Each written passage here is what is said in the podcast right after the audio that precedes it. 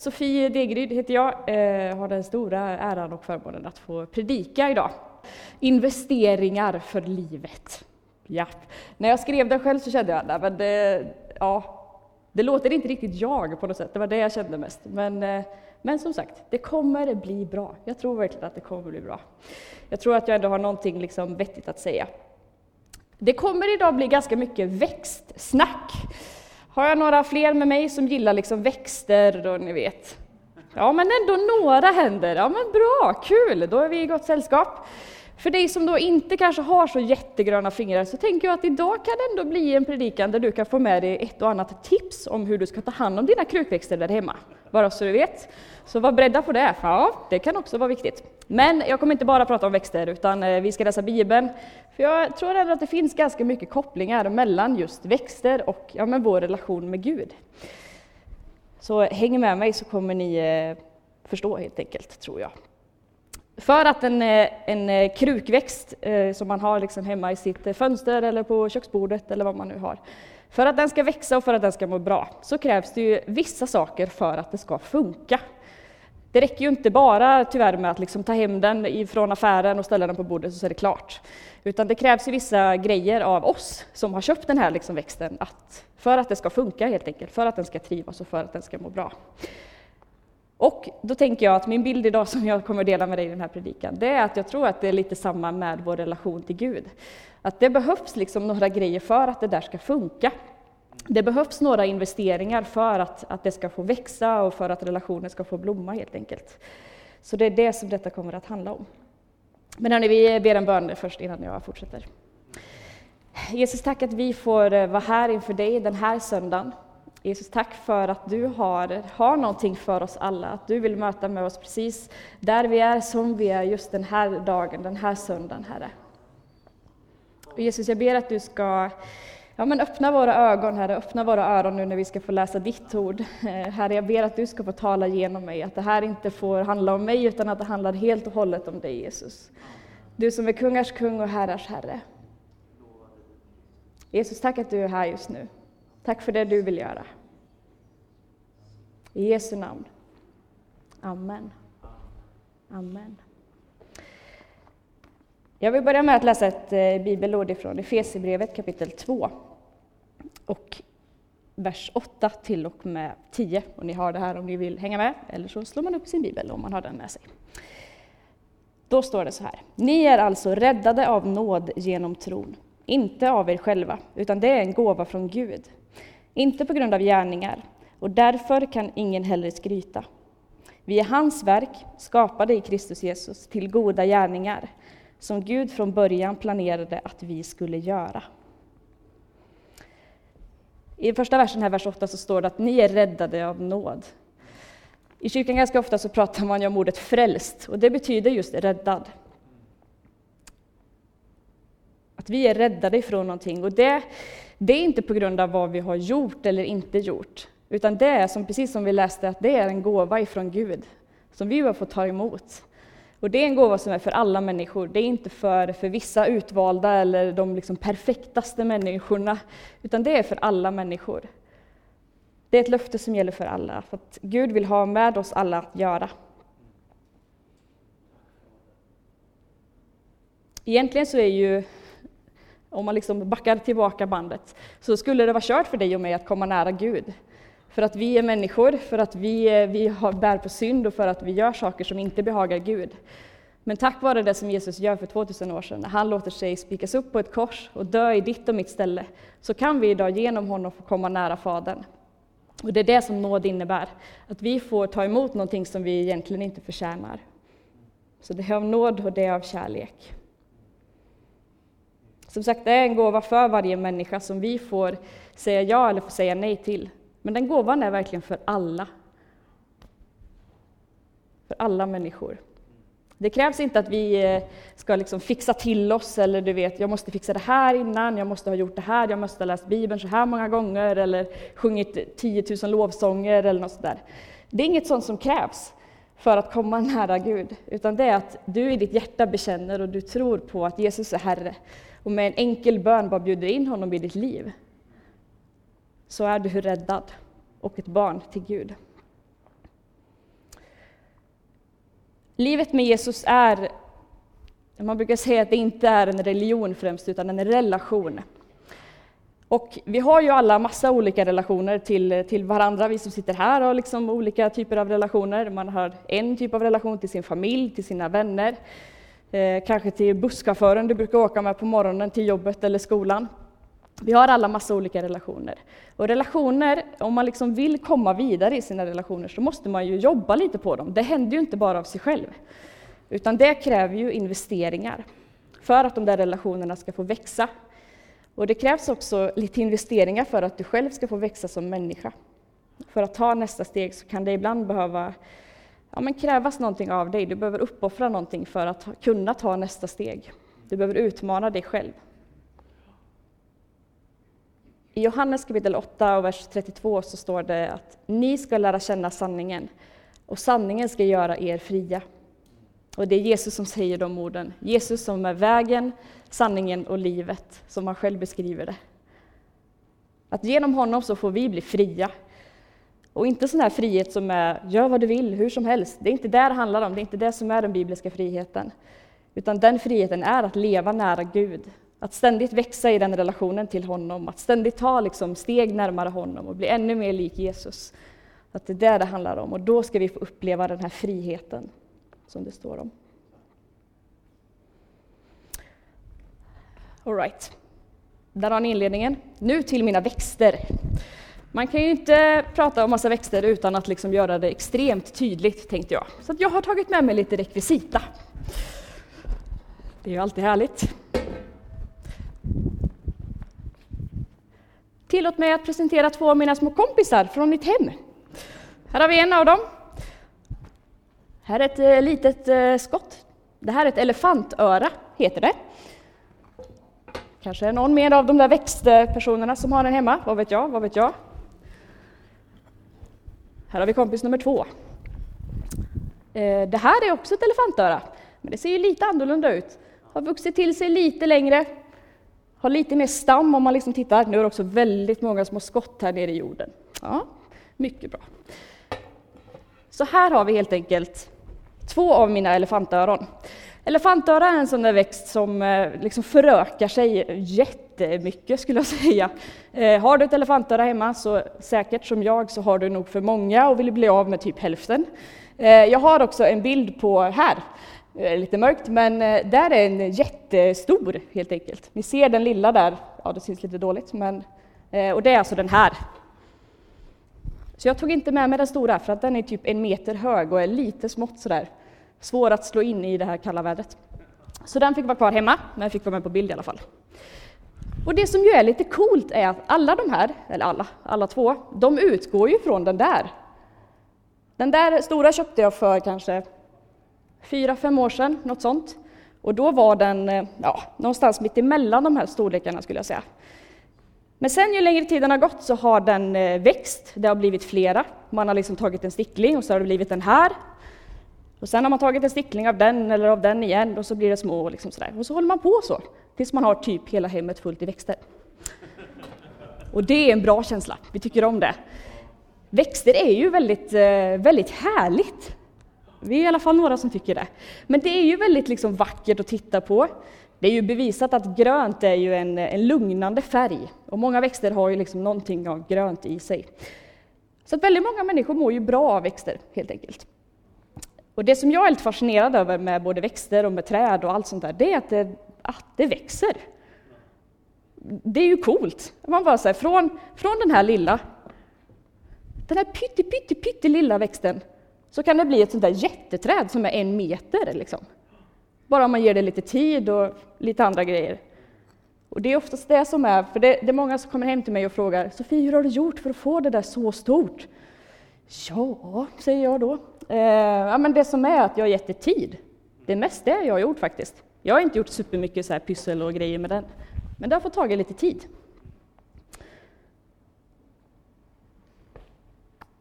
Det här, eh, åter till mina luddiga bilder. Men jag kommer idag att ge dig liksom tre eh, punkter utifrån vad jag då har valt att kalla elefantöronsprincipen. Det är inget man hittar i Bibeln och antagligen inte om du googlar heller, men jag har kommit på det i alla fall och jag tänker att ja, det kan finnas en liten en liten koppling. Okej, okay så hur behöver jag då liksom investera i mina växter för att det ska hända, för att det ska bli det där trädet? Punkt nummer ett så tror jag att jag behöver investera lite kärlek och omsorg. Ni vet de här skotten och växterna, de har ju inte hamnat där av sig själva, att jag automatiskt vaknade en morgon och så var de i krukan och det var vattnat och klart och ni vet, de stod på det perfekta läget.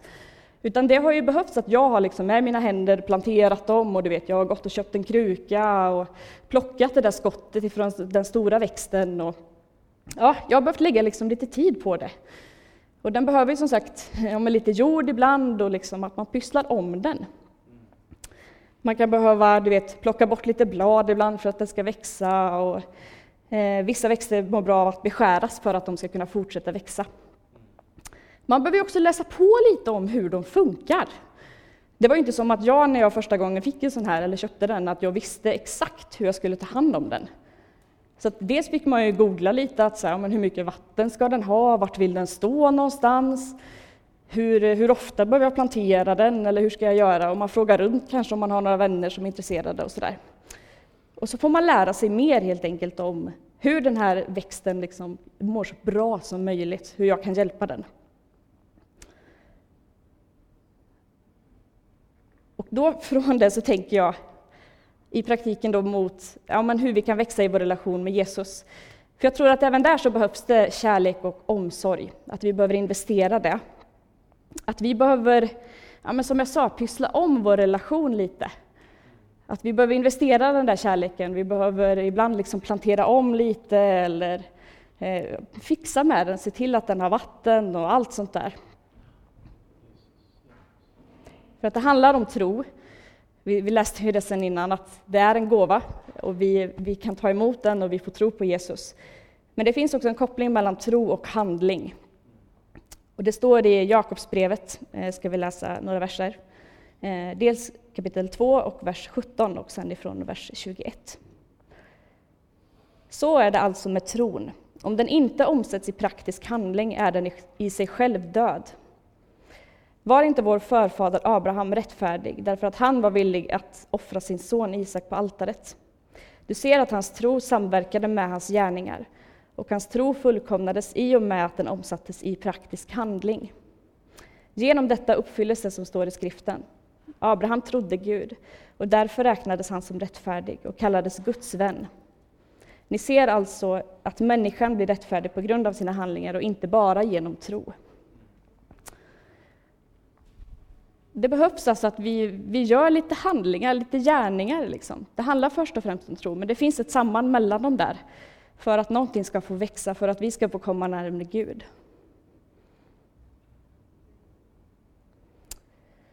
Okej, punkt nummer två. För att den här växten då ska eh, växa så behövs det rätt förutsättningar. Det behövs eh, rätt mängd vatten.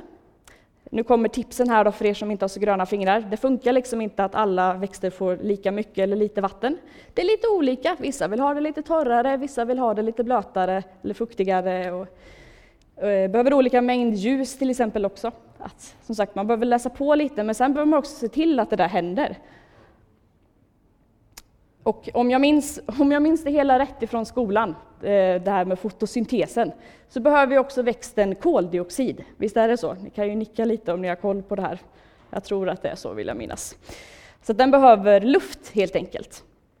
Sen är det väldigt häftigt om man har eh, en sån här i ett fönster, så ser man ganska tydligt på den efter ett tag att den liksom drar sig mot rutan.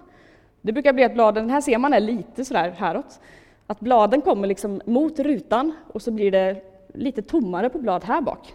kan man få behöva gå dit och snurra lite på den så att man får en jämn och fin växt. Bra tips! Ja, men det är som att eh, växter, de är ju superbra på att skanna vart solen är. För de inser att jag behöver solen för att kunna växa. Att det är liksom där de hämtar sin kraft, i solen. Så de hela tiden så skannar av, vart är den, hur kan jag komma så nära solen som möjligt? Och det är därför den liksom drar sig mot fönsterrutan. Den förstår att den behöver kraften.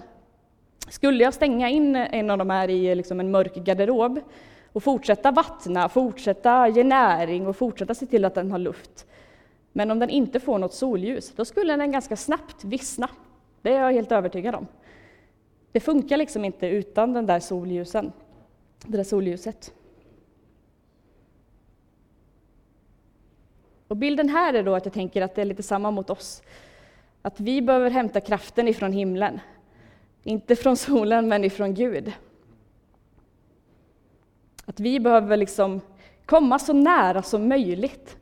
Att liksom rikta oss hela tiden mot Gud för att komma nära och för att hämta kraften i honom. För utan den kraften så kan vi inte växa vidare. Det står i psalm 23 och vers 3 att han ger mig ny kraft. Han leder mig på rättfärdighetens vägar för sitt namns skull. Och i Filipperbrevet 4 att allt klarar jag av tack vare honom som ger mig kraft. Du behöver se till att du har rätt förutsättningar för att din relation med Jesus ska få växa. Du behöver se till att du hämtar kraften från honom som, som har den kraften för ditt liv och för dig. Att se till att vara, att vara riktad mot Gud. Och då kommer det bli lättare att, att kunna ta nästa steg. Att kunna växa i den relation till Jesus och kunna växa som människa.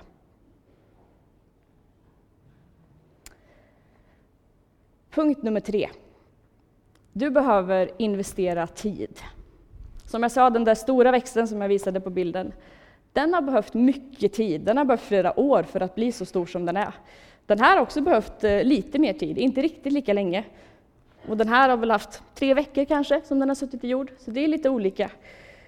Men man ser att det händer någonting när man ger det lite tid. När det finns rätt förutsättningar, när jag har ägnat lite tid och kärlek och omsorg åt de här växterna, då är det ju bara tiden sen som behövs för att den ska få växa. Och då behöver ju jag ha lite tålamod med det.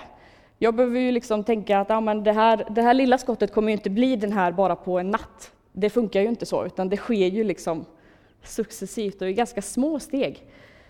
Och ibland så har man planterat skott och bara säger nej, det här kommer aldrig gå, den har inte rotat sig och det kommer inte bli några nya blad på den här, det kommer inte funka. Men sen så fortsätter man att vattna, man fortsätter att ge den tid och så ser man till slut hur det kommer små, små, små, små blad. Och då känner man ju en så stor lycka. Har du inte upplevt den lyckan? Skaffa ett litet, ett litet växtskott så kommer du att göra det, jag lovar. Nej, men det tar ju liksom tid. Tillväxt tar tid. Även för växter, men också för oss människor. Tillväxten, den tar tid. Och vi behöver ge det den tiden och ha den där, det där tålamodet. Ibland så eh, har jag köpt växter eller fått av någon jag känner eh, som man inte riktigt, man tycker inte om alla växter som man får. Det är så det är, man kanske tycker att den är ful eller den passar inte riktigt i hemmet eller att den var så jobbig att sköta. Och då ibland, jag erkänner, så väntar man ju bara på att den ska vissna och dö så att jag får slänga den. Typ så. Ja, det är så det är. Min mamma har lärt mig att man får inte slänga någonting som lever nämligen. Och det är ju förvisso sant, då får man väl ge den vidare eller något istället. Nej, men ibland så väntar man ju bara på att det ska få ske, helt enkelt.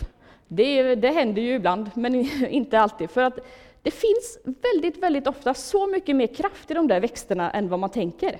Du vet, det kan se helt brunt och torrt och dött ut, men ändå kan det ibland bara så här, komma något som är grönt, att det fortfarande lever. Va? Ja, Oftast så är det inte så med växterna, utan oftast så lägger man ju ner mycket tid på dem, ända tills, de liksom, tills det verkligen är kört. Att man håller ut och du vet, man gör allt för att den där växten ska överleva. Du vet, man flyttar runt dem, man liksom försöker köpa nya så här, näringsmedel och man planterar om och man fixar och donar så att den där växten verkligen ska ta sig och inte vissna och dö. Så är det ju oftast i alla fall, att man försöker verkligen ända in i det sista tills växten helt och hållet ger upp och dör. Och då till kopplingen med vår relation till Jesus, så tror jag att det är samma sak, att vi behöver fortsätta försöka tills det verkligen är slut för oss. Att vi behöver fortsätta ta stegen, även om man inte alltid märker att det växer, men att fortsätta ta stegen. För att till slut så kommer det ändå att växa, för att det finns så mycket kraft där. För kraften heter Jesus, som jag sa innan.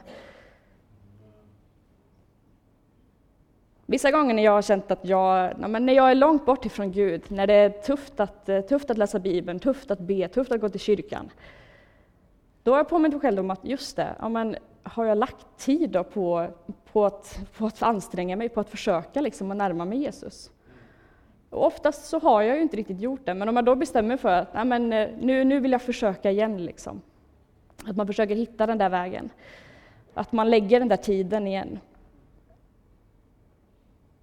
Och då så är det som att när jag tar ett litet steg så står ju alltid Gud där med en öppen famn och närmar sig mig också. Och så blir man påmind om att han är så nära och jag får uppleva det.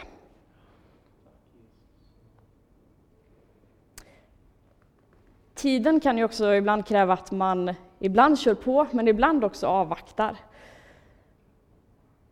Jag tänker att det handlar mycket om att, att leva i en så pass nära relation att man får höra liksom Guds röst i att ja, men när, när ska jag gå, vart ska jag gå? Och så får man be om kraft att, att våga göra det, för ibland krävs det mycket mod för att göra det. I psalm 130 och vers 5 så står det Jag väntar på Herren, jag väntar och sätter mitt hopp till hans ord. Jag tror att vi ibland behöver öva oss på att ha lite tålamod. För att Gud är ju den som har koll på allt. Han har den perfekta tajmingen.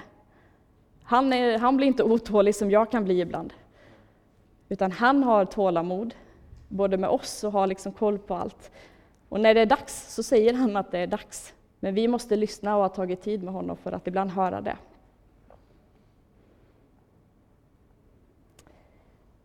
Och när man då har alla de här tre punkterna liksom på plats för att det ska funka, då händer ju någonting fantastiskt. I just växtens fall, när man har kärlek och omsorg, tiden och gett växten rätt förutsättningar, då händer ju det här då att det kommer liksom massa smått nere vid jorden. Det kommer små nya skott. Det är ju liksom växtens sätt att föröka sig. Och de här sen, de kan man plocka bort och så kan man sätta dem i vatten och så får de nya rötter och sen så planterar man dem i en liten kruka som den här ungefär. Den liksom multiplicerar sig själv. Det är inte som att jag helt plötsligt säger till den att ah, men nu vill jag ha en planta till, så kan du snälla fixa det. Utan den gör ju det när den känner att den är redo för det.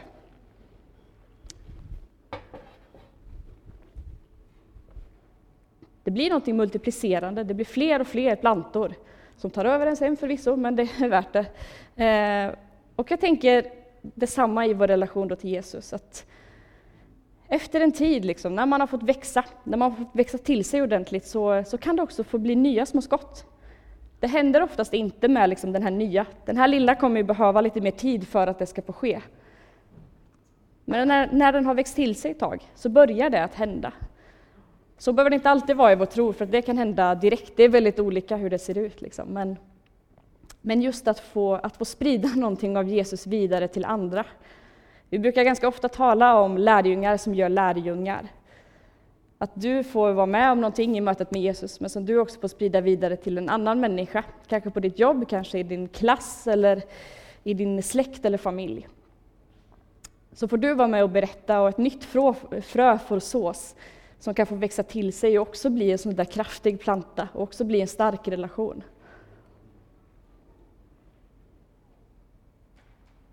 Men det behövs att den har växt lite för att den ska ha kraft nog för att producera de här skotten.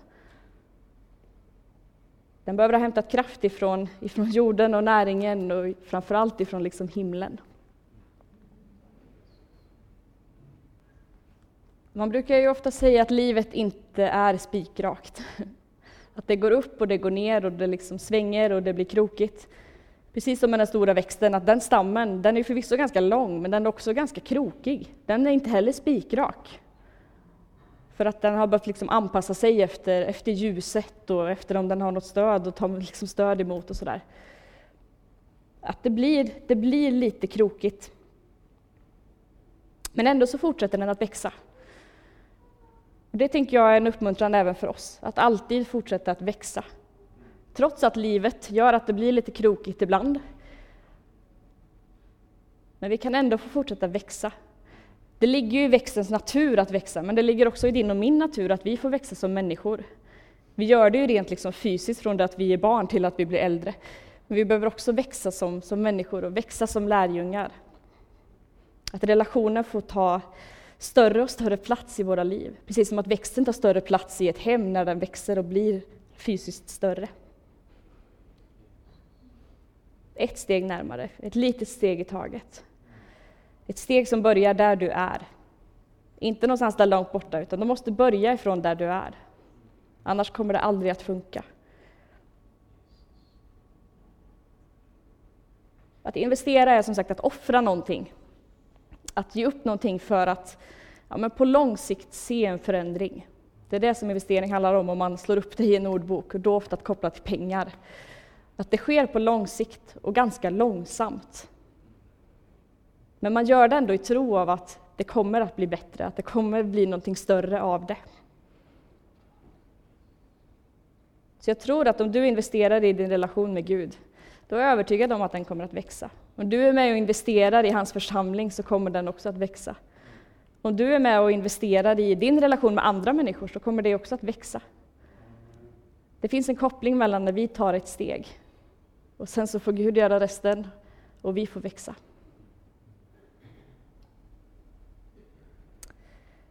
Och jag vill avsluta med att visa en, eh, en bild som jag såg på Instagram här i veckan. Eh, det är en pastor som heter Levi Lusko, eh, jag tror att han är amerikan om jag inte minns fel, som la upp den här bilden. Och det står på den att Pray like it's all up to God, but work like it's all up to you. Och så står det i beskrivningen, It's not let go and let God, it should be trust God and get to work. Alltså att, att be som att allting hänger på Gud, att vara så hängiven i din bön så att bara, men Gud, det är bara du som kan göra det här. Men att vi får vara med och jobba som att allting hänger på oss. Och sen så liksom kopplas de två samman och någonting kan få hända. Pray like it's all up to God, but work like it's all up to you. När du tar ett steg så kan du få växa i din relation med honom. När du investerar någonting så, så kommer det att få positiv påverkan på ditt liv. Vi ber en bön tillsammans. Jesus, tack att du, du är vägen, du är sanningen, du är livet. Jesus, tack att i, i dig så finns det frihet. Och Jesus, tack att när vi, när vi närmar oss dig så vill du närma dig oss. Och Herre, tack att, att livet med dig det är en relation som vi får växa i, som vi får utmanas i och utvecklas i, Herre. Och Jesus, så ber jag att vi ja, den här dagen ska få ta ett litet steg närmare dig, att vi ska få växa som, som lärjungar och efterföljare till dig. Och herre, tack att det är du som ger oss kraften. Det är du som ger oss kraften att, att multipliceras. Det är du som ger oss kraften att orka lite till, även när det känns tungt. Mm. Jesus, tack att vi får vara dina barn. Och tack för den du är. Amen.